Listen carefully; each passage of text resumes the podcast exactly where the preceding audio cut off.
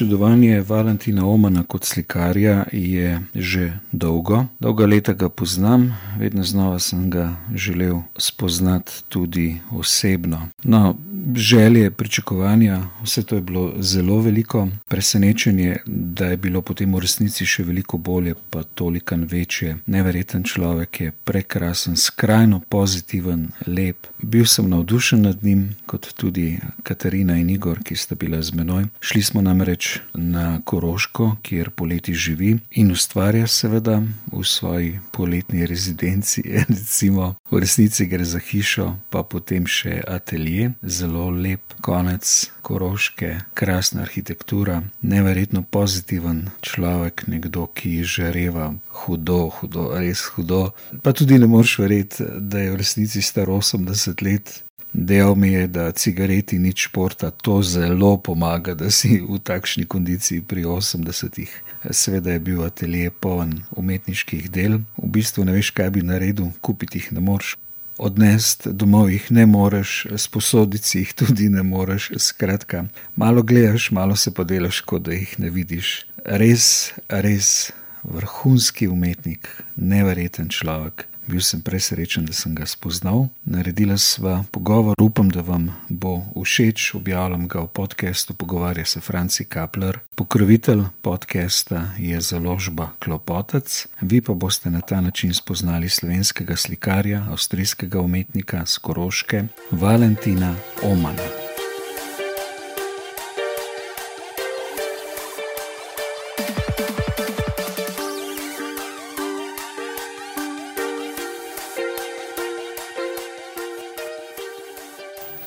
Ravno kar se nahajamo v studiu velikega umetnika Valentina Omana, išče mobi, da naj ne bi motilo. Lahko ja, lahko tako le, ja, lahko. Čakajte, še tole naredim. Začela bova gospod Valentin Oman z eno temo, ki je za mene ključna. Slišal sem pa prej, ko smo šli po kavico, da imate tudi zelo jasno mnenje sami o tem. Namreč vprašanje cerkve ki je prostor svetega, med drugim tudi prostor vaše umetnosti. Cerkev je prostor, v katerega celo rože ni najlažje prenesti. Celo rože prinesti v cerkev je neko dejanje, ki ga moraš precej premisliti. Sam križov pot razumem kot izredno zahtevno nalogo za umetnika, ker ne gre zgolj za umetnino, ampak tudi za neko duhovno držo, sporočilo ki mora po eni strani biti nedvoumno, razbrljivo, posamezne slike morajo izžarevati Jezusovo kalvarijo, hkrati gre pa tu že za vprašanje umetniške svobode, vas kot umetnika in seveda sposobnosti dojemanja sodobne umetnosti strani verujočih, ki pridejo v crkvo. Zelo kompleksen problem, ki pa ga vi vendarle rešujete. Kako vam to uspeva? Ja, če smo pri križovem potu, potem je moj način delati križov pot. To se vidi sedaj pri tem križovem potu, ki sem ga 91. leta v Piranu delal, ko je vojna na Hrvaškem bila. In tako da je tematika tako blizu bila, da ni treba bilo, kako rekel, poiskati si eno novo temo pri tem delu, ko je kolonija bila. In za me je križov pot, tako da ne delam ilustracije poznanega križovega pota, ki je v vseh crkvah. Za me je to tematika trpljenja, človeškega trpljenja in ne delam tako rekoč ilustracije znanega križovega pota na ta način, da bi se daj nekaj modernega, staro tematiko, s to tematiko, ki je znana, delal. Meni gre bolj za trpljenje človeka. In tukaj je tako rekoč tema z 14 variacijami. Za me je vsak, vsaka postaja tako rekoč enostavno veljavna in tudi se ne vključim tako rekoč v to tematiko, da je sedaj tretja postaja, Jezus pade pod križom. To je za me tema z 14 variacijami in edino, kako bi rekel, to, kar je starega je moj način, da se vključim v simboliko 14 slik. To je edina, einzige Zugeständnis, ne, kako se po slovenskem to pravi, k tej tematiki. To bi bilo sedaj križopot. In če sedaj premišljujem, moja tematika se ti. Mhm. Ne vem, kje sem bil, kje sem ga pustil. Mislim, da ga imate gor. Ja, bože, greš, kar se. To je bila melodija iPhona gospoda Omana, ki ga bo sedaj izključil.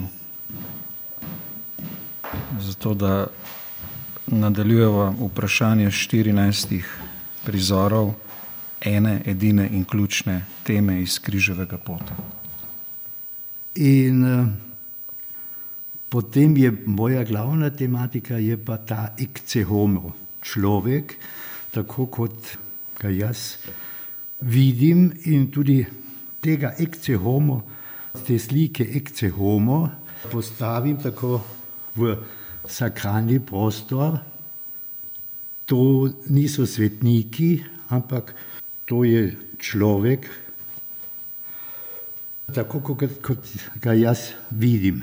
Ta tematika ekce homo se ni spremenila, to je bilo že od začetka, že v akademiji sem v slikah vedno človeško podobo imel. In eh, če danes gledamo, kaj se dogaja, potem se nič ni spremenilo od tega časa, ko sem še na akademiji bil, ko je bila vojna v Vietnamu. Že tedaj mi je to, kar se tiče vojn, zanimalo in to je vedno ista stvar. Kar jaz premišljujem, da človek se ni spremenil od večnih časov, vedno je se boril en proti drugemu. Kain in Abel, do danes še, ta tematika je še do danes, kako rekel, tako močna, da me še vedno zanima. In problem je sedaj to, če za sakralni prostor delaš, potem je nevarno, da se vključiš v ilustracije. V ilustracije, radi tega jaz nikoli nisem delal svetnike, tudi ne tematike, ki so znani v sakralnem prostoru, ampak sem se vedno zanimal za to tematiko, ki se tiče človeka in te slike, ki nastajajo, lahko pokažem v galerijah in v sakralnem prostoru. In do sedaj je tako bilo, da sem dosti teh eh, sakralnih prostorov opremil z mojimi ekce homo eh, slikami in uh, mislim, da tukaj ni bilo problemov, tudi tega ne, da bi, kriti, da bi kritika imela možnost, da bi rekla, no to so slabe ilustracije, ampak če so slike, kako bi rekel, enako močne v galerijah, da jih v galerijah pokažeš, potem so tudi enako močni v sakralnem prostoru. In atmosfera v sakralnem prostoru, mislim, je še bolj zanimiva kot v galerijah, tam ustanejo tako slike. V galerijah je vsake 14 dni ali po enem mesecu konec razstave, v sakralnem prostoru pa to ustane. In po meni vidim, da tudi današnja umetnost se zelo lepo vključi v sakralni prostor, čeprav so zelo stari objekti in stari sakralni prostori. Naprimer tukaj v Štebnu sem vitraže napravil in to je zelo stara crkva, ampak eh, kako lepo eh, se vključi tako tudi današnji izraz v umetnosti in da se zelo dobro spremlja tudi v tem, v tem prostoru. In mislim, da tudi tukaj, naprimer, zdaj v, tem, v tej majhni vasici, eh, ljudi, ki grejo v crkvu, nimajo problemov, ker v galerije sploh ne bojo šli, tako da niso pripravljeni na moderno umetnost, ampak mora biti je tukaj ena stvar, da niso platna, ampak so uh, vitraži in steklo, pa mislim, uh, je že tak material, da ti, če prav nisi pripravljen na moderno umetnost, da imaš bolj lahko do, dostop do moderne umetnosti. Do sedaj še nisem kritične ali slabe kritike slišal tudi ne v, v, tem, v tej vasi. Nekaj je, če bi sedaj imel delo na platnu, je potem že veliko težje za ljudi dostop do umetnosti. Uh, mislim, da je steklo in na ta način te podobe, ki jih imam, to je tudi moj ekcehom, tudi niso svetniki, so podobe, ampak te podobe skozi steklo in luč se spremenijo v luč. In to je ena uh, stvar, ki pravi, da ja, več ne morem povedati. Človek se bo spremenil, to je moja ideja, v luč. Ecce homo, naslov imam, ecce homo lux eterna. Po drugi strani pa vendarle uporabljate tudi križ. Križ kot element slike, hkrati je pa križ eden ključnih simbolov krščanstva. Ja, ampak tudi pri križu uh, sem nekaj spremenil, da nimam ta križ, ki ga posod vidiš, ampak sem uporabljal ta križ. To je formalno za me že malo drugače, ni tako determinirano krščan, eh, katoliško. To je križ, formalna stvar, ki mi je bolj všeč kot ta eh, formalni križ, ki ga poznamo, ki se povsod vidi. In ta ta križ, ja, to je tudi še en simbol. In tudi, kako rekel, v, v sakralnem prostoru, naprimer na Plešivcu, bi bila moja ideja za ključek v presbiterijum, tam, sem vam poslikavo, montirati križ kot za ključek. Samo tam je že arhitekt pripravil en uh, oltar, ki tam sem imel težave. Nekaj, tam sem več bolj ilustriral in to je bila pri oltarju, sem kako rekel, čutil, da sem slabše kot na stranskih stenah, ko sem imel mojo tematiko. Requiem za homo sapiensa. In če praviš rekvijem, ne tudi rekvijemov imam uh, dosti, ker to je spominjanje, spominjanje na človeka. In če sedaj delaš in imaš to tematiko na sakralni prostor, potem misliš, ja, sedaj ne bom tako podobe na steno poslikati, ampak moja ideja je bila tako delati, da imaš občutek, da te generacije kulture pridejo iz stene ven. In tukaj moš uporabljati drug način tehnike. Tam ni mogoče v tej tehniki, ni mogoče v tehniki freske delati, ker tam imaš samo možnost enoplast napraviti. Jaz sem pa tam seko delal in tam sem začel z novo tehniko, tako da sem na steni slikal podobe in potem sem, ker če 40-50 let kot slikar si na poti, a še del časa, potem imaš v času že malo eno rutino. In mene ta rutina, rutiniranje moti in zdaj, če ala prima slikaš, je več, kako rekel, te mora biti rutine v slikih, v slikah.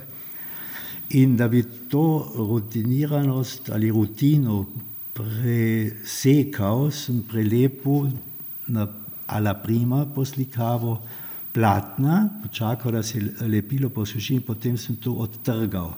Na ta način raztrgaš to rutiniranost in tako, na ta način lahko sedaj več plastno delaš. Ko sem odlepil, imaš sedaj odtise, tako skoraj kakor ten potni prt človeštva na platnu, potem sem spet naprej slikal, spet eh, na novo začel slikati na stenah in spet prelepil in ta način slikati, odlepljati, to je sedaj eh, trajalo skoraj en leto, tako da imaš sedaj toliko plasti na steni, da imaš vse imitacijo tega časa ali da imaš občutek, da je tukaj več generacij na steni za ogledati.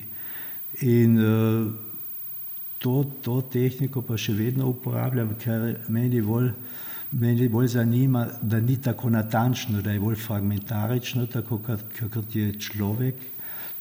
Tudi da človek ni sam, ena podoba, ampak da je, ima še dosti v sebi od drugih, od soseda, od prijateljev, da ni samo ena podoba, ampak da je večplastna, fragmentarična.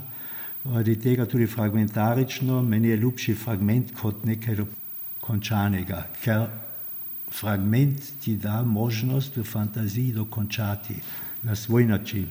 Tako je tudi po mojih slikah, da ima tisti, ki gleda sliko, na svoj način možnost dokončati sliko, izgledati nove podobe na svoj način in da je treba, da tudi svojo fantazijo nekaj počne. Pa ko ste se lotili te nove tehnike, vedno znova, znova lepljenje, vam je bilo tako jasno, v katero smer greste, ali ste bili vedno znova presenečeni in ste potem ustrajali, ustrajali, ker je tudi tehnika vas presenetila? Ja, pri tej tehniki je sigurno tudi, da je slučaj važen, ampak če dolgo delaš, potem je to najboljši mojster, sodelavec. In uh, tam pa imam možnost, da tako dolgo slikam, odlepljam, da sem na, naprimer na plešivcu zadovoljen s tem, kar je na steni, ampak imam tudi potne prte, tako rekoč na platnu, da jih sam uh, ja, kot slike montiraš. Težko je bilo zgoraj, ne, da imaš levo in desno steno, da je en, enako uh, močna, da ne pade ena na eno stran, da so obe strani tako, da so ene. Ja, da sta obe enako močni. In to je pač trajalo uh, en leto, ker je na vsakem kvadratnem metru, kak je 20-25 krat preslikano. In to tehniko pa uporabljam tudi doma, ker imam sedaj že leta en zid, na katerem slikam in s to tehniko, tako rekoč moje ekce homo slike napravim. In če imaš sedaj zid, na katerem 20 let slikaš, potem, če odlepljaš, pridejo plasti od prvih let. To, ne, to, to kontrolo nemaš, ampak ta slu, to slučajnost pa uporabljam ker je zelo zanimiva. Normal bi jo tudi na eni sliki večplastno delo, samo potem, če ala prima slikaš, vidiš samo zadnjo plast. Debelino hmm. čutiš, ampak vidiš samo zadnjo plast. Pri mojih slikah je pa tako, da te plasti čutiš in tudi vidiš. To je, to sem že večkrat povedal, ne, to je pa tehnika, v kateri bolj barvito delaš grafično to ni tako mogoče in za grafikom pa sedaj drug, drug način, da poli, na polivenil delam in tam pa lahko rišeš, praskaš in tako naprej in potem to lepiš na, na platno, ampak ali pa tudi no, to tehniko na polivenil sem pa uporabljal v Šentjakobu tudi v cerkvi. Tam je tudi en način križevega pota, samo ne v postajah, ampak križal pot človeštva. Ta je od spredaj okrog cele stene v, v sakralnem prostoru, tako rekoč potovanje, človeško potovanje, ki je tudi na en način križal pot. Slikarji uporabljate različne barve, tudi vi, ampak kadar vi uporabite črno barvo, imam pa jaz nekoliko drugačen občutek. Kakšen je vaš odnos do črne barve? Ja, po meni črna barva pride iz časa, ko sem se začetek, moj začetek je tako bolj grafičen bil. Sem zelo veliko grafik delal, sem tudi pri Debenjakovi v specialki, sem se vključil pri dosti teh grafičnih bienalih in eh, delo na platno se je pri meni šele zelo pozno začelo. Ker če si na Dunaju, potem so ja tudi stanovanja, ki si jih imel, so bili majhni, si jih imel na najem, tam nisi mogel, in potem denarja tudi ni bilo, da bi platna kupoval, prostora ni bilo.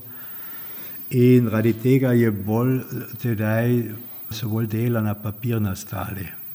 In dolgo, dolga leta samo črno-belo. In zdaj, če imaš pa potem čase, ko si več z barvami, ko več z barvami delaš, potem imaš pa občutek in spet željo samo grafično črno-belo delati.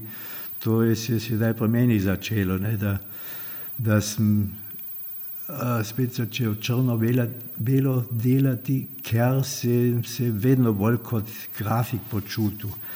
In včasih misliš, da kot grafik nisi tako slab, zakaj bi to možnost, ki jo imaš, pustil. In tam mislim, pri grafiki bolj vidiš, kako bi rekel, če umetnik, če umetnik je zanimiv ali ne. Zame je naprimer William Kendrič, ki sem ga na Bienalu in Zipaka tudi videl, to je zame en grafik in pravim, mamma mia, če tako delaš v grafiki, potem ni treba inštalacije delati. Ne? Ker v grafiki tudi lahko vse to poveš, kar bi v inštalacijah delal. In radi tega vedno se tudi vrnem k tem, da tako rekoč kot grafik malo intenzivno se delaš. Materiali, ki jih uporabljate, so na videz karkoli, v resnici pa se mi zdi, da gre za skrbno izbrane delčke, stanke in tako naprej. Pa še druga sredstva so pomembna, lepila, ki jih uporabljate, posebej katere barve. To se zdi meni kot lajku cela znanost.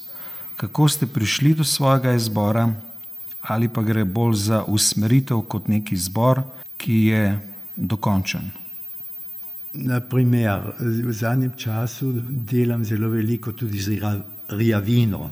Tudi rjavina ni samo, kako rekel, estetični material, ki bi na en način estetično uporabljal, ampak če misliš na rjavino, potem je to, v rjavini je tudi en način minljivosti delam. Že v le, prejšnjih letih sem vedno imel idejo, nekaj me je zelo fasciniralo, rjavina me je zelo fascinirala. Samo noben kemik mi ni mogel reči, kako bi lahko delal z rjavino. In potem sem v enem podjetju videl, ki so pisali Eisenstaub schnell rosten, ne prah, železni prah, ki tako hitro rjavi. Sem tega kupil in potem začel tudi spet na polivenil lepilo napraviti, potem potrosiš ta železni prah posušiš in potem z vodo in malo z železno kislino mokro narediš in po dveh, treh urah imaš rjavino, perfektno rjavino. In potem ta material lahko luščim iz polivenila kot kožo in iz, teh, tak, iz tega materiala potem sestavim moje podobe. In potem, ker je tako rekoč ta železni prah nasičen v lepilu, tudi ne rjavi naprej. In zdaj tudi po ta zadnjih, po ta zadnji sliki, ki sem zdaj ta teden delal, imam črno-belo grafike, celo procesijo ljudi, ki so vključeni v tako rekoč v zaprti v črne stene. Mislim, da ni treba, kako rekel, kaj, na kaj mislim. In zgoraj kot horizont je z rjavino relikti, ruine, ruševine, Tako da ima sedaj dva materijala, črno-belo in rjavino, ki to tematiko, ki me zanima, mislim, dosti natančno pokaže. Tematiko, kako rekel, jaz nočem sedaj tukaj pri teh slikah tako natančen naslov narediti, ampak samo leto 2015-2016. Potem mislim, da vsak ve, na kaj sem mislil. Ker drugače imam naslove, spomeniki, mislim tudi že v naslovih se vidi in čuti, na kaj, kaj me zanima in kaj premišljujem, če slikam. Potem so serije spomeniki, Ecce Homo, Requiemi, potem Sic Transit Gloria Hominis, ne samo Mundi, ampak tudi Hominis. In uh, Terra Incognita, Terra Rossa, potem Arapacis, mislim, da so to že, že tudi naslovi kažejo, v kakšno smer se odvija moja, moje delo. Akvareli v barvah, arabski svet, kot smo ga videli na razstavi. To je za mene drugačno slikarstvo.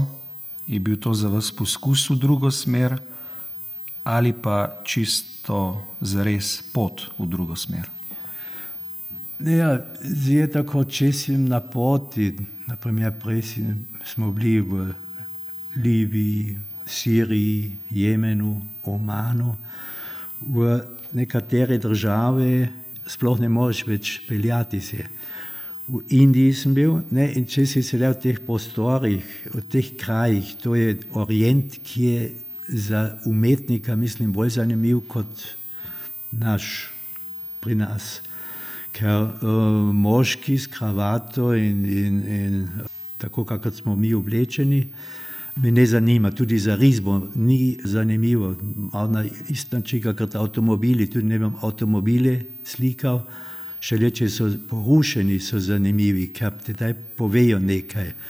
Na ta način imam potem tudi, če reliefe delam, fozilje današnjega časa. Ampak če sem sedaj v Indiji, v teh krajih, potem tudi zelo rad rišem. In uh, rišem in fotografiram. Pri risanju tako, posebno Indija je zelo barvita. Tedaj, tam ne bom samo črno-belo delal, ampak uh, porabljaš potem barve. In to so tako spomini na te kraje, ali je sedaj to so risbe iz Indije, iz Libije. V, te iz Omana so malo drugače, te so bolj črno-bele, ker je tudi tam obču, imaš občutek, tam skoraj ne vidiš, ženske so vse črna krila oblečene, moški v bela, tam barve skoraj ne vidiš. Čeprav jih vidiš, barve vidiš potem v trgovinah in v marketu. In te risbe so tako spomini za me na te kraje, v katerih si na poti bil, istočasno sem pa tudi fotografiral ker tudi pri fotografiji sem imel moj način fotografiranja, ker meni ni zadostovalo samo en posnetek, tako da na hip vidiš, kaj si fotografiral, ampak sem vedno več dva, dvojne ekspozicije delal. Tako film na ena vrta, zavrtal in potem znova začel novo tematiko fotografirati. Na ta način so se mešali so si motivi mešali in si mogel šele gledati, kaj je sedaj na tej sliki. Približno tako, kot da imamo v slikah, da ni, ne izgledaš na hip motiv, ampak da imaš možnost, kako bi rekel, iz, odkriti nekaj novega in da imaš del časa zagledati, da ni na en hip izgledano, ampak da imaš več časa to možnost gledati in vedno nekaj novega odkriješ. Pa ste kdaj te fotografije razstavljali? Sam se tega ne spomnim. Ja, jaz sem jo imel, ko, smo, ko sem tedaj ta eh, križov pot delal v Piranu, ko smo na koloniji bili, sem jo tudi eh, fotografiral istočasno, ker sem zvečer od sedmih do polnoči po televiziji, ki je Hrvaška televizija bila, ki so tako rekoč pokazali, kaj se dogaja na, v tej vojni. In sem že začel v tej dvorani, ko je televizija bila fotografirati, začetka sem zelo daleč zadnji sedel, potem med časom je, sem vedno bolj pred prišel, ker so tisti ljudje, ki, so, ki niso begunci bili, potem samostojno sobo imeli, da so drugo televizijo gledali.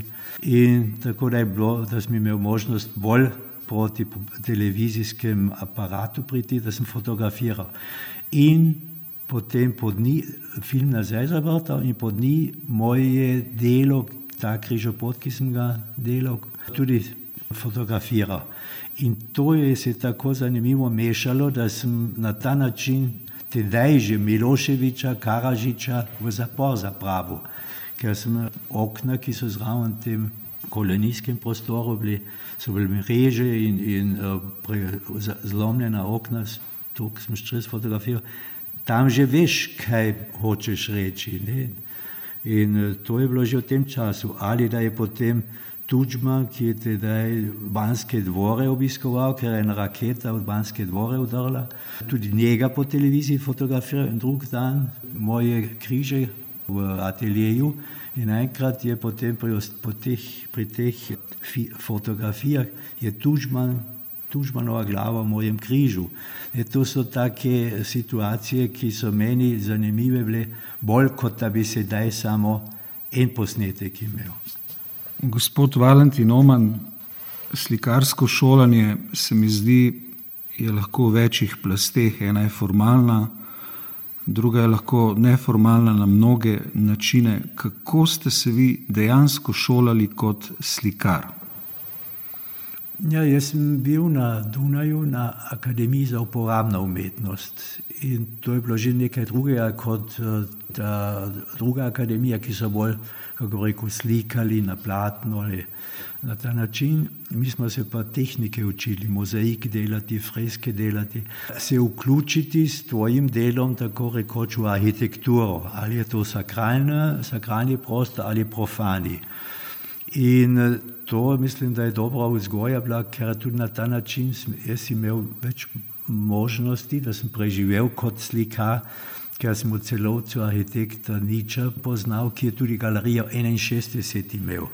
In če je on nekaj gradil, potem je vedno vključil tudi umetnike, ali je to sedaj hoke ali mene. In eh, s tem naročili si tako preživel, ker od prodajanja slik, grafike, ki smo jih delali, to bi sploh ne bilo mogoče. In, ampak na ta način si tudi vedno, če je nova arhitektura bila, je tudi arhitektura taka bila, da si mogel novo tehniko si pomisliti. A, da, si, da ti je še nekaj denarja ostalo in B, da si to, ta material vključil tudi v arhitekturo. In to je, na ta način smo potem tudi betonske reliefe delali, železne reliefe in tedaj so hiše gradili iz fertik betona, je stena beton bila in pa s tem. In na ta način smo vključili tudi relief v to steno, tako da so da sem najprej relief napravil in potem so čez ta relief, potem sem polivenil štres pokriv in čez ta relief so stene beton polili noto, ne? in ko je beton suh bil, je že stena končana bila in ti si odlepil polivenil in beton je bil reliefno obdelovan, ampak ta relief je bil tako gladek, kot da bi poliran bil. To je samo delala polivenil folija. In me je čudi, ne, da ta način beton malo, malo kako rekel, občutljiv pripraviti, da tega čisto redko kdaj vidiš. Potem aluminijske reliefe, železne reliefe. In pri reliefih je tako bilo, da si res tudi današnji čas lahko zapustil v reliefu. Tako da sem fragmente, odpadke današnjega časa poiskal in potem to v pesek usekal, potem v ta relief se je železo ulilo ali aluminijum. In tam imaš pa direktno, tako rekoč, odpadke današnjega časa, fozile današnjega časa na ogled. To, kar današnji čas v slikarstvu samo, kako rekel, zvavo imitiraš, tam imaš pa konkretne današnje odpadke. Tako mislim, da je na ta način današnji čas bolj presenten kot v slikah. Del vašega šolanja je bila tudi Ljubljana, Riko Debeljak. Tu se sve zastavlja vprašanje, zakaj. Ali je šlo za recimo, odziv na vprašanje nacije, kulture, ali pa dejansko niste želeli kam drugam. Logično bi mi bilo, recimo, da bi skušali iti v Pariz. Ja, to priložnost in možnost k profesor Devenjaku priti je pripravil eh, Zoran Kržišnik. To je bila ta povezava, ker Zoran Kržišnik je zelo dobro povezavo imel tudi z arhitektom Nič, ker v galerija 61 je vedno tisti, ki je prvo nagrado dobil v, v Ljubljani pri grafičnem bienalu, je potem tudi razstava bila v celovcu. Se spomnim na razstavo Rauschenberga, ki je v celovcu bila samo tedaj dežela, niti ene slike ni kupila, ker če bi pri vsaki razstavi, ki je galerija 61 tedaj imela, pri vsaki razstavi eno sliko odkupila, bi zelo lepo, korošci zelo lepo internacionalno zbirko imeli. Šele potem, po dolgem času, je ena gospa Marse začela grafiko zbirati. To je bilo tedaj za EDK podjetje in samo ta ni na ogled, ne vem, kje je sedaj ta zbirka.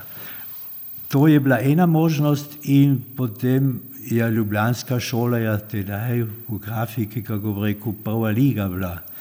In profesor Debenjak je bil tudi on prva liga, ne in zaradi tega me veselilo, da sem pri njem, jaz sem samo tri mesece tam bil, ampak nekaj si se že naučil tudi v treh mesecih. To je bil ta čas, ko sem se bolj tako v, grafič, v grafiki izražal. In potem je pa, pri nas je pa tako bilo, ne, če si sodeloval pri različnih grafičnih bienalih, si imel večje grafike delal, samo pri nas ta trg za grafiko nobenega ni zanimalo. In še nekaj je bilo, da je potem tedaj Dunajska šola grafiko na ta način uničila, ker je od vsake plošče potem 2000 odtisov naredila in te odtise si v vsaki trgovini lahko kupil. Na ta način je pri nas dolga leta se noben ni več za grafiko zanimal. V Sloveniji je to do danes še malo drugače, ker to je, tam je grafika še vedno nekaj posebnega. Če vam omenim nekaj slovenskih slikarjev, bi vas prosil, da jih tako ali drugače komentirate. Recimo Gabriel Stupica. Kaj mislite, kaj menite o njem? Ja, to, toliko ne poznamo, ne samo to, kar poznam, mislim, da je on zelo zanimiv slikar bil in je tudi tako močen bil, da je vplive na druge popustil.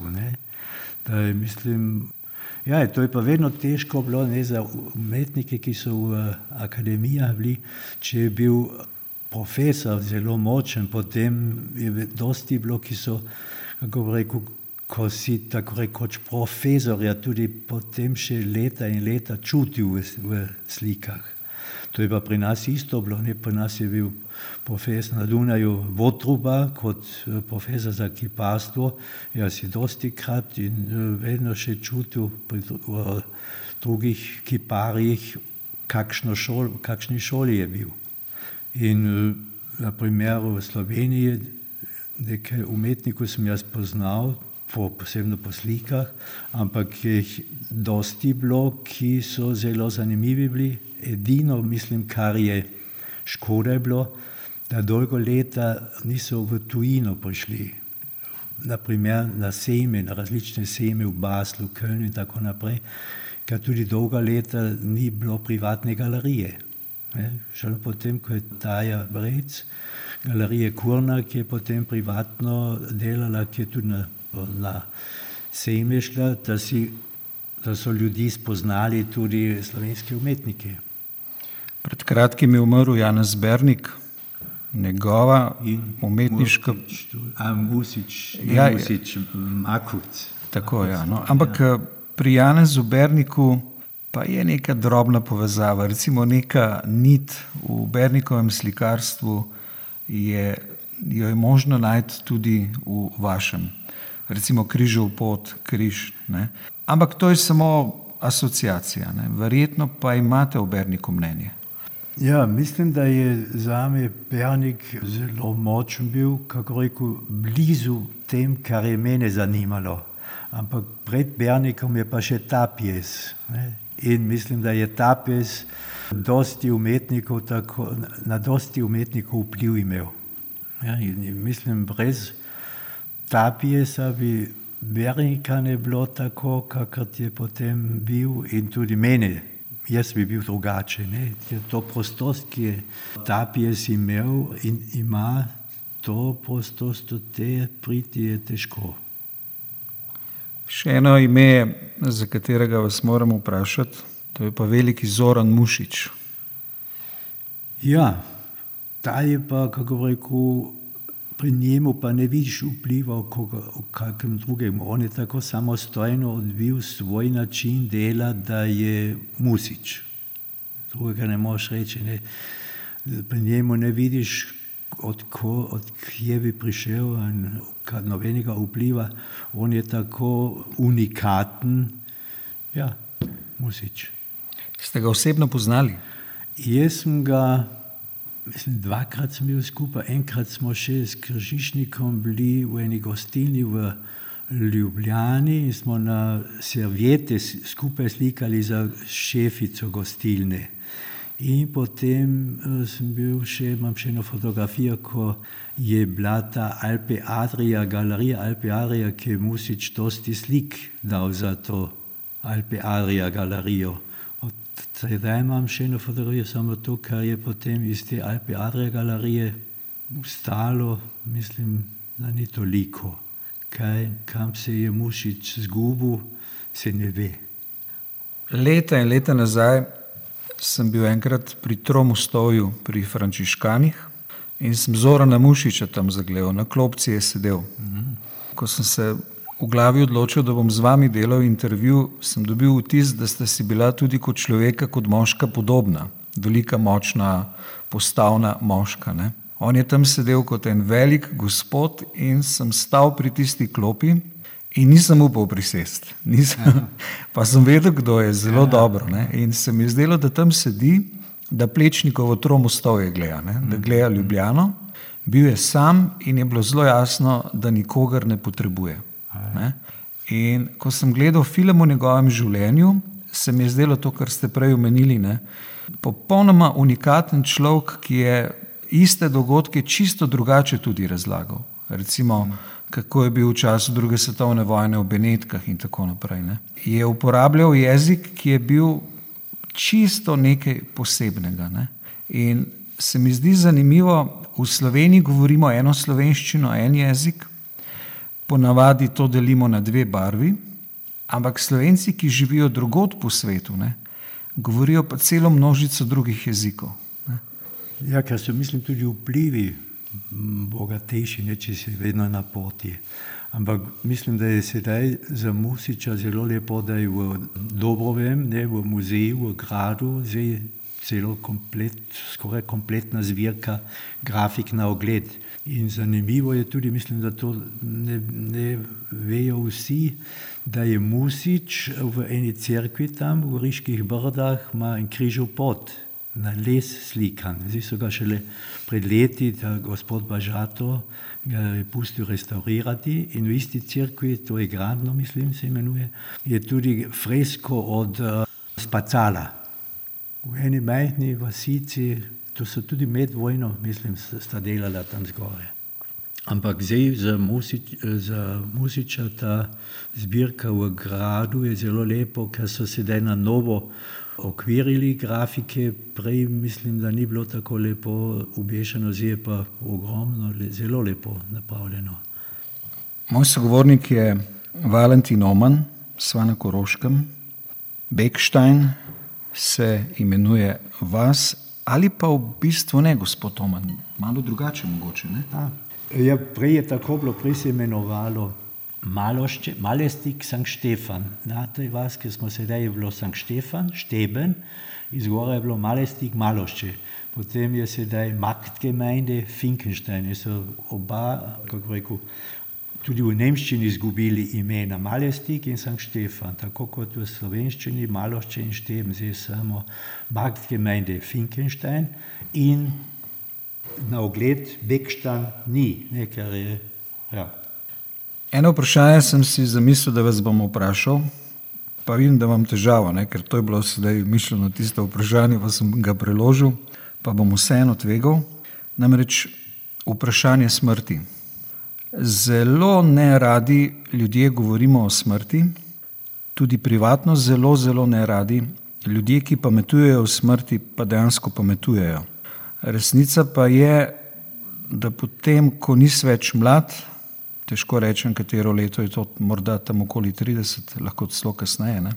Je pa smrt tema, na katero skozi misliš. Lahko veliko krat, pogosto krat, lahko občasno, ni pa nekaj, kar bi lahko spregledal ali se pretvarjal, da, da ni s teboj, ne da je pred tabo, ampak je s teboj.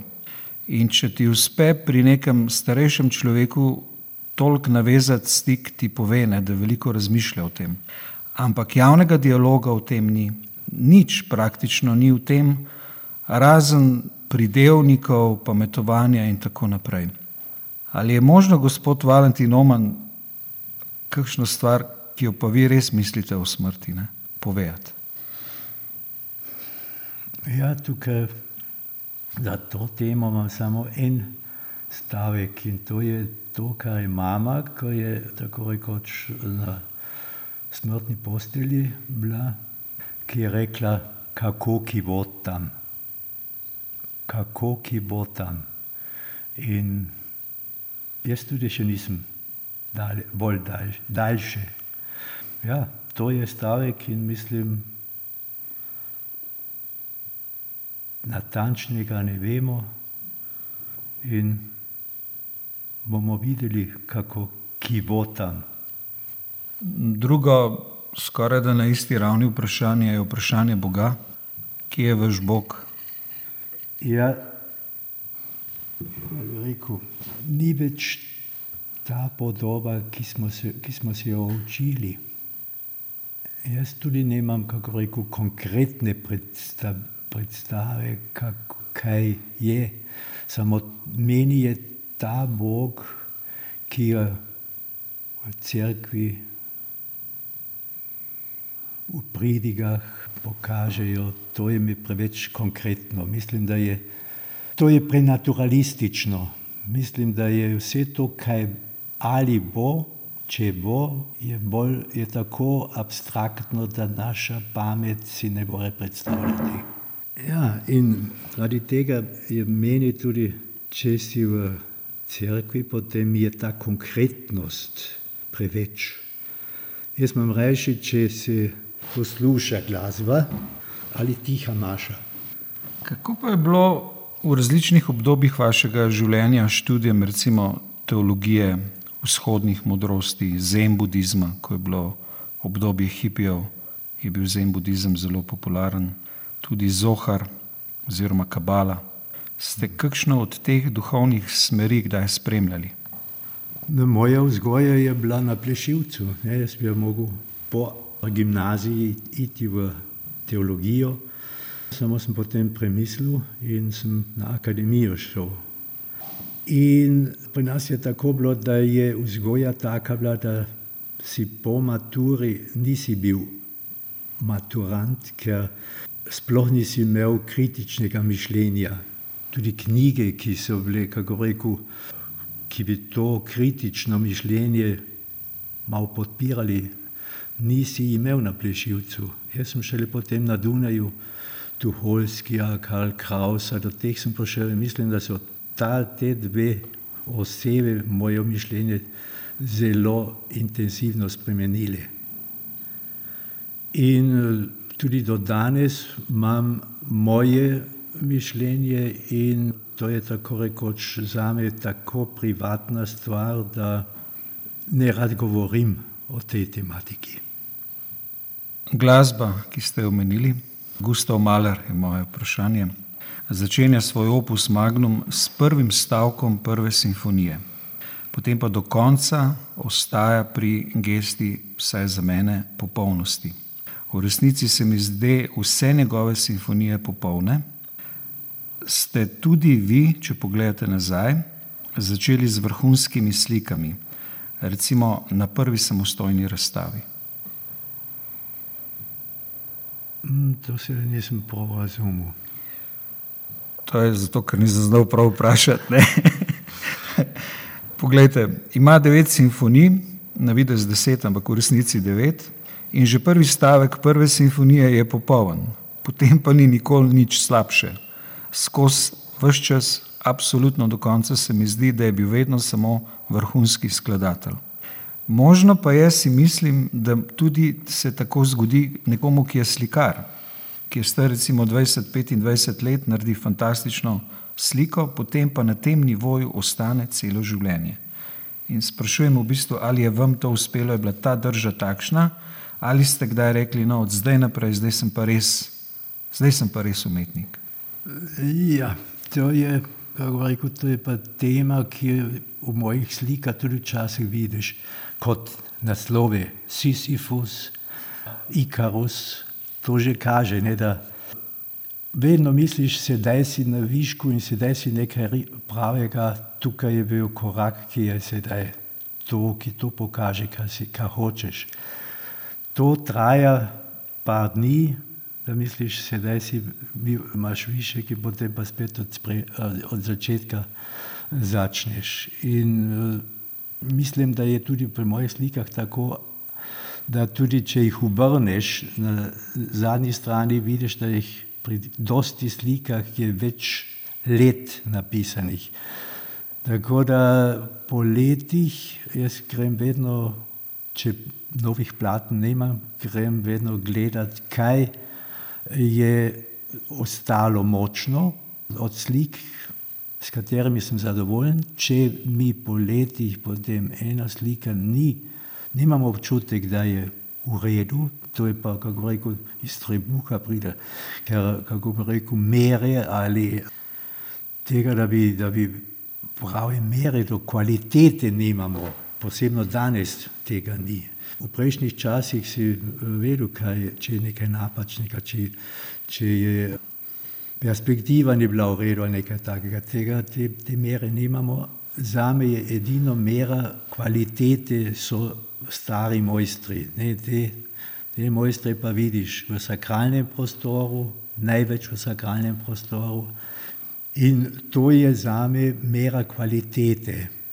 Sam imaš včasih občutek, da si imel močne čase, ko si bil, kako rekel, močnejši ali to, kar si delal, da je v redu bilo.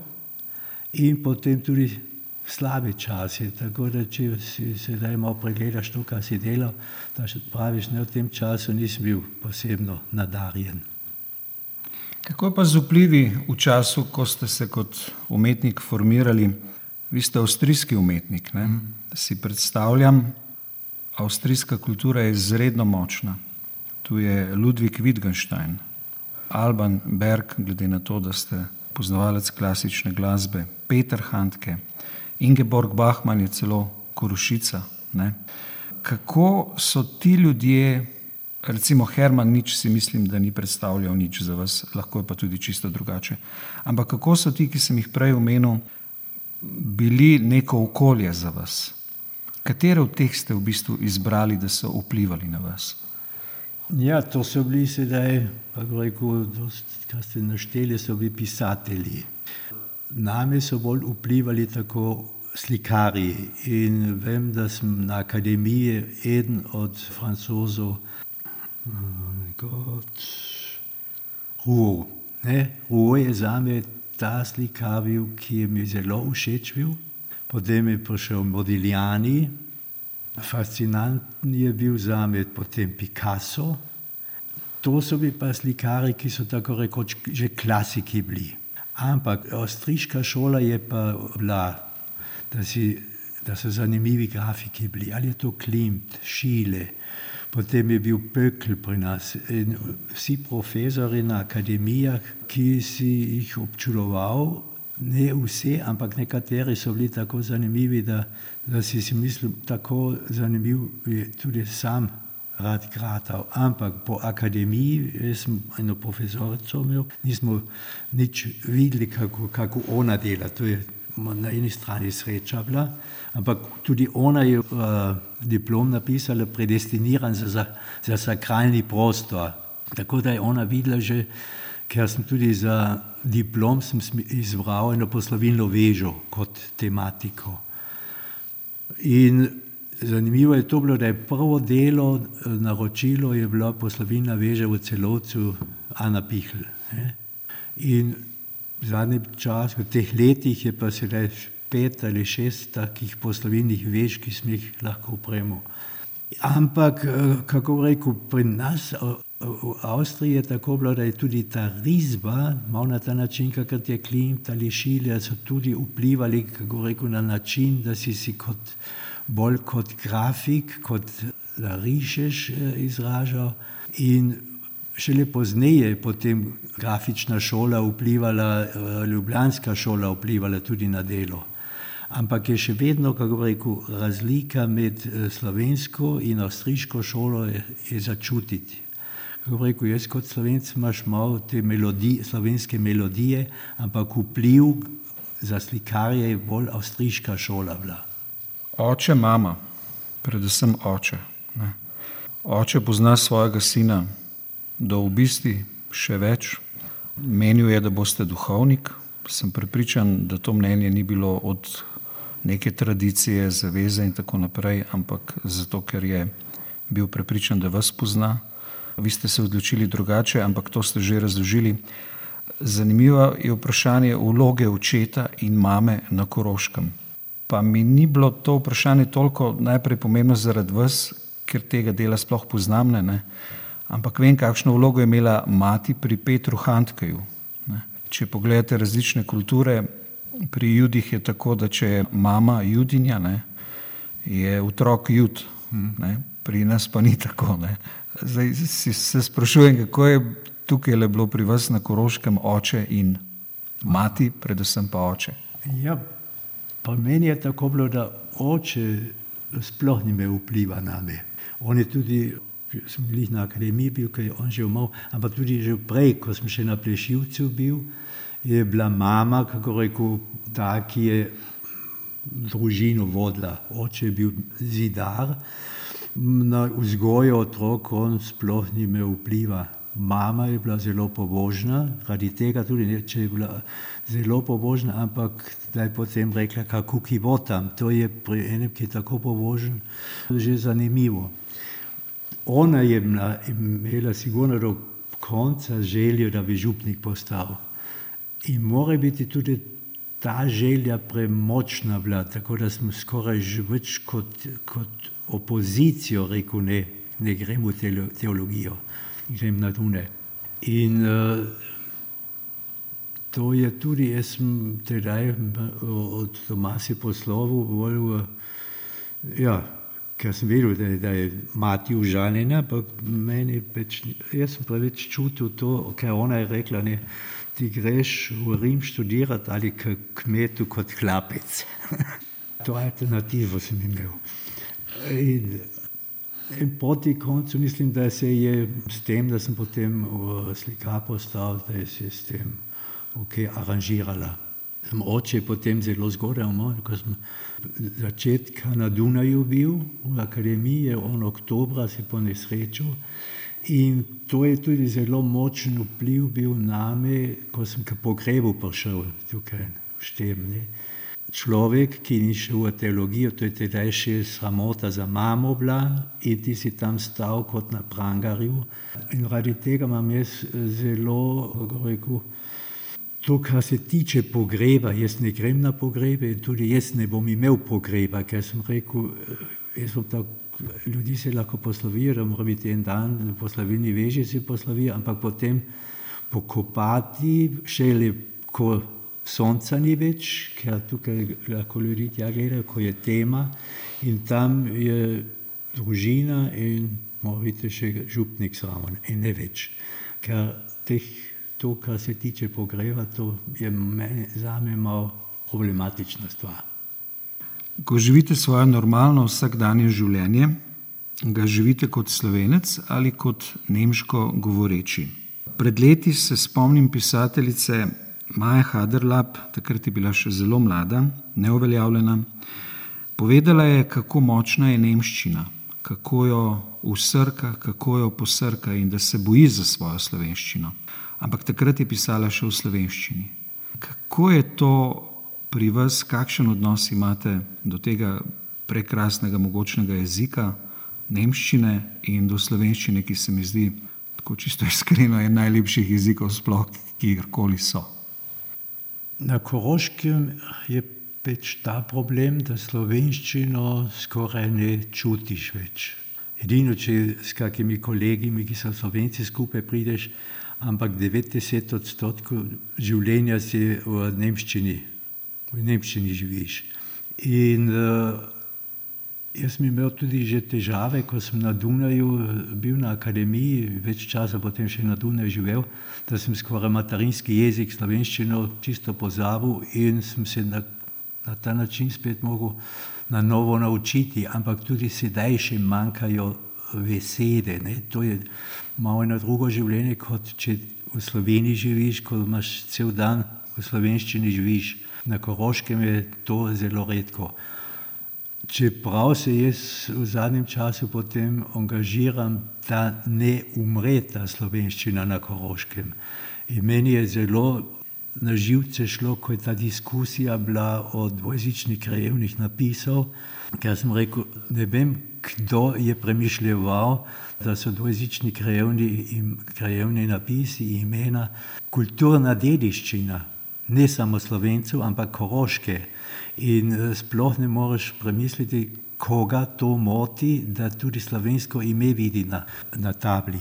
In radi tega, ker in pri tej diskusiji o, o dvojezičnih krajevnih napisih tudi nikoli nisi slišal, da, se, da tukaj gre za kulturno dediščino, da je to del kulture.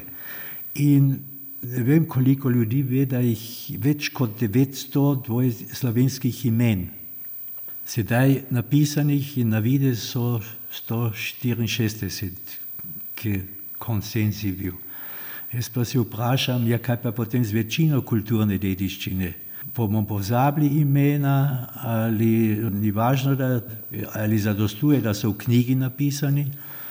In radi tega sem jaz, to je bilo še med Hajrovem času, da sem jaz potem ta dvojezična krajovna imena na prevajalno sobo na univerzi napisal. To je tudi malo en nasprotje bilo proti Hajdarju, nekaj drug, v slikarstvu ne morem, kako rekel, Hajdarju kontra dati. Pa to je že ena situacija bila, ko se vidi, da nisem s, te, s to idejo ali s tem duhom Hajdarjev zadovoljen da je nasproti mojega mišljenja. In tudi tam nisem do vsa imena napisal, samo do črke R prišel. Moja prva ideja je pa ta bila, da bi najrajši vsa dvojezična krajevna imena v železo ulil kot ohranitev kulturne dediščine. Predrago, radi tega smo potem napisali na steno.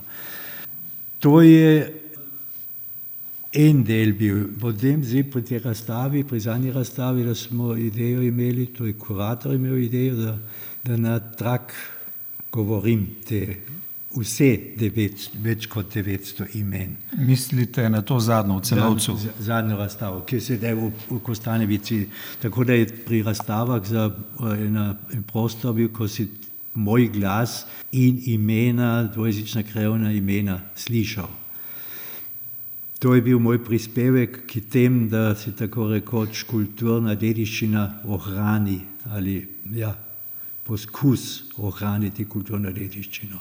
V tem je samo en članek v enem časopisu, bil, ki je za me najpametnejši bil za, k, k tej tematiki. In Nemščini bi to bilo ein Volk, das kulturell interessiert ist, bräuchte nicht einmal den Staatsvertrag mit dem Artikel 7, das würde seine Kultur aus eigenem Interesse sichtbar machen. Ampak to je ključna dilema, kako je možno, da to spregledujejo. Ja, in, in kak, tukaj je potem se, se to vprašanje, kaj manjka, da ne vidiš vsa dvojezična krajevna imena, kultura manjka na Koroškem. Če potem pogledaš, greš proti Italiji, dol imaš v treh jezikih, imaš friulansko, italijansko in okrog meja slovenščino. V Istri imaš hrvaško, italijansko, v Sloveniji imaš italijansko, slovensko. Tam na Hrvaškem in v Sloveniji imaš tudi še ulice v dveh jezikih. In pri nas je pa to, kako dolgo so se borili za, to, za te 164 napisal. Jaz s tem, kako rekel, konsenzom, ja, čeprav se je sedaj vse malo pomirilo, nisem zadovoljen. Ker se vprašam, ja, kaj je potem z več kot 800, 750 napisov slovenskih imen, ki jih ne vidiš, edino če knjigo kupiš. Mogoče vseeno še eno vprašanje o jeziku na Koroškem. Čeprav ta tema je v bistvu nekaj, kar bi se upal mi v mikrofona z vami pogovarjati, ne bi želel toliko snemati to. Pred nekaj leti sem prebral eno nemško knjigo, oziroma v nemščini je bila napisana, nek koroški zgodovinar je napisal. In tam je načel dilemo, zakaj korošci govorijo nemško, ne pa nemško in slovensko, oziroma ne slovensko. In odgovor je bil, pa se ne hecam, da so korošci izbrali nemščino zato, ker je lepša in bolj enostavna.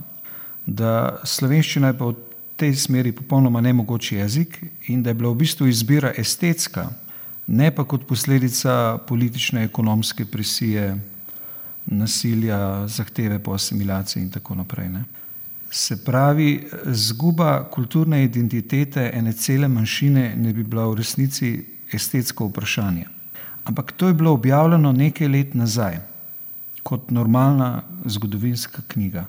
A ni to nekaj, kar bi moral biti škandal? Jaz mislim, da je to, ta videz za me res ni prav, ker to, da na Koroškem slovenščina tako rekoč vedno bolj zgine, ali da, da se manj čutiš, je še vedno posledica druge svetovne vojne. Ker na Koroškem je največ nacijev bilo in posledice te vojske, te druge svetovne vojne si še po vojni čutil. Med vojno je tako bilo, Kärntner spricht Deutsch. Na vsakem telegrafnem mostu je bilo Kärntner spricht Deutsch. Potem je še Heimatdienst dolga leta, wenn du nicht Slowenec sein willst, wähle Deutsch. In to je bilo v vseh časopisih, ko so prve table začeli demontirati, dvojezične krajovne napise. To so bili, kako rekel, res zame posledice tega mišljenja, Hajdar, ne Hajdar, tudi Hajdar je to še prolongiral, ampak to je še bilo iz druge svetovne vojne, Kärntner spricht Deutsch in ta nacionalizem je na Koroškem trajal in deloma še danes traja. Zame so to posledice tega, da na Koroškem, kako bi rekel, slovenščina slovenščino skoraj ne čutiš. Se je poboljšalo v tem času, ko je potem slovenska gimnazija začela delati, da so ti, ki so slovensko gimnazijo zaključili, tako rekoč, niso se sramovali, da slovenščino govorijo. In da so se vrnili tudi zunaj. V prejšnjih časih je tako bilo, če kak slovenc gimnazijo končal in potem na Dunaj študiral, je na Dunaj ustal in šel nazaj. Šele po slovenski gimnaziji so se vrnili tudi slovenci, tako da je vsaj več, kako rekel, v, krogu, v krogih si čutil in slišal slovenščino. Samo to si so, kako rekel, zelo redki krogi, v katerih slovenščino še živi. Mal še Rožna dolina, Podjunska dolina, v Zilski dolini je že slabše, In tudi pri nas vidiš, mlada generacija, mi smo še v gostilni slovensko-nemško peli, zdaj mladina je tedaj začela, so mopede imeli, mi nič nismo imeli, smo mopedi so v disko peljali se in tudi to se je, kako rekel, mladina, če kdo ne gre v slovensko gimnazijo, potem te slovenščine tudi pri nas v vasi ne boš več čutil. Vi ste ob tem, da ste slikar, kdaj tudi pisali? Poezija, proza, eseji, misli. Ne. Jaz tudi pisma nočem, ker smo jo pisavo nočem ogledati, čeprav sem na gimnaziji mislim, kar v redu pisavo imel. In radi tega nisem hotel pisati, ampak sem začel zdaj na polivenil pa pišem, ker imam eno posebno stvar zapisati, ko ima večje pisava in to pišem na polivenil, posebno stvari, ki me zanimajo. In ko imam na polivenilu, se tudi tam ležijo spet en par takih formatov, to potem lepim na, de, na slike in če odlepiš polivenil, potem je zrcalno pisava gor. Ker je to, kar sem pisal, samo kot tekst zame zanimiv in ne za tistega, ki gleda. Za me to mora biti ne samo, kako rekel, estetska situacija, formalna stvar, da to nalepim na slike, ampak je tudi vsebina za me zanimiva. Če pa koga res zanima, kaj sem pisal, potem mora pa zrcalo vzeti in lahko malo pregleda in preveri to, kar sem pisal. Ime Valentin Oman je ime velikega umetnika v Sloveniji, v resnici tudi vedno bolj v Avstriji. Ampak to ni moje vprašanje. Vprašanje je, koliko vam osebno uspeh, ugled pomeni kot umetniku. Če smo pri Omanu, Oman po hebrejskem je umetnik. To sem tudi še pred kratkim slišal. Ampak uspeh, ja, uspeh je sliki sa foga, se pravi v nemščini. Uspeh pri umetniku je sigurno važen, da lahko preživi, Ampak ja, uspeh je potem je tudi še nekaj pri umetnini, da je veliko, kako se pravi po slovenščini, etikajt, da je nekaj ponosnosti v tem. Ne, potem pri odpritvah stoji umetnik tam kot uh, zlato tele. In to mene tudi moti, radi tega imam ja tudi naslove Sic transit gloria hominis ali artis, artistis.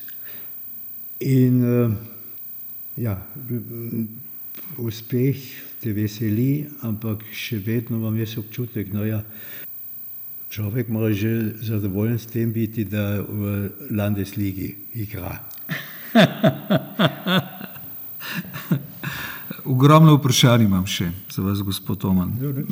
Morda, morda ni prav, da jih kar nadaljujem, ampak nekaj bi pa vendarle še rad načel serija slik Ekce Homo. Meni se to zdi nek tak dosežek v vseh smislih, umetniškem, človeškem. Tako močna izkušnja je človeka, ki to gleda, da se sprašujem, kako vi to zmorete narediti in zakaj to kar traja. Ne? Ker kot da bi jih bilo že nekaj dovolj. Ja, to smo že večkrat mislili. Če si ogledaš naš svet, potem ta temat, te tematike ni konec. In mislim, koliko krat so že rekli, da je platno, slika na platnu, da je že, to je že mrtvo. In jaz mislim, vedno neki novi materiali eh, so na trgu in eh, mislim, da ima še vedno možnosti, jaz še ni, nimam, zame še ni konc tega, da se približaš tej podobi, človeški podobi, da ima še dosti možnosti, ki jih še nisi odkril. In radi tega še vedno, no sedaj imam večje formate, tako da, da malo iz tega oskega formata počkreš. Ampak še vedno se vrneš, ker nekaj novega poskušaš si te tematiki približati. Če se zdaj ogledamo te dve slike, potem imam te oske formate, ki so normalni formati za ekce homosa, te so prazni.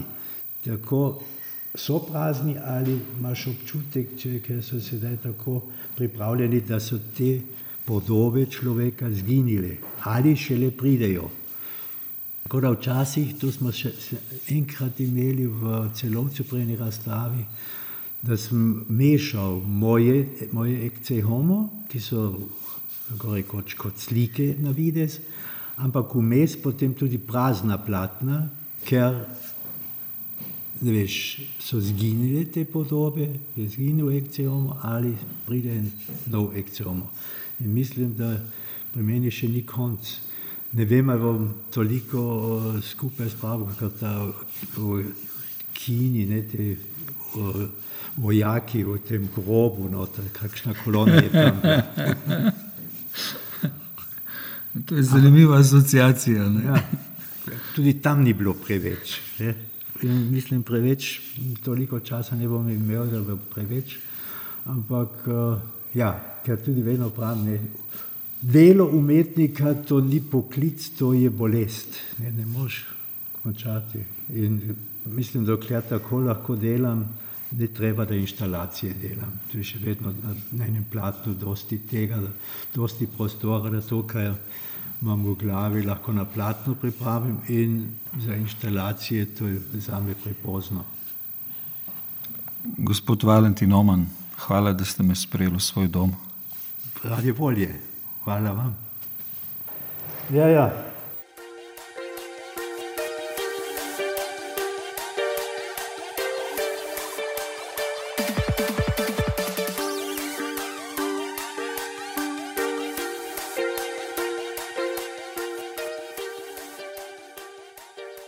No, upam, da vas nisem razočaral, še manj zagotovo vas je razočaral slikar Valentin Oman.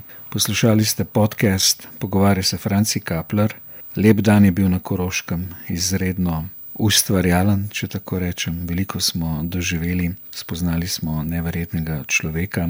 Valentina Omana v teh nekaj naslednjih tednih še lahko vidite v Kostanevici na Krki, potem pa v drugih razstavah tudi po Sloveniji, kajti trenutno je izredno vabljen, cenjen. Ljudje ga imajo več kot radi. Po mnenju kar nekaj ljudi pa velja za umetnika, ki je na vrhuncu moči, in tudi jih ni veliko, ki bi jih upal kdo imenovati, da so boljši od njega, čeprav to ni ravno v zvezi z umetnostjo, ne? ni to šport. Umetnost je zelo osebna gesta. Pokrovitelj podcasta Pogovarja se Franci Kapler je bila založba Klopotec, sogovornik tokrat je bil Valentin Oman Skoroške.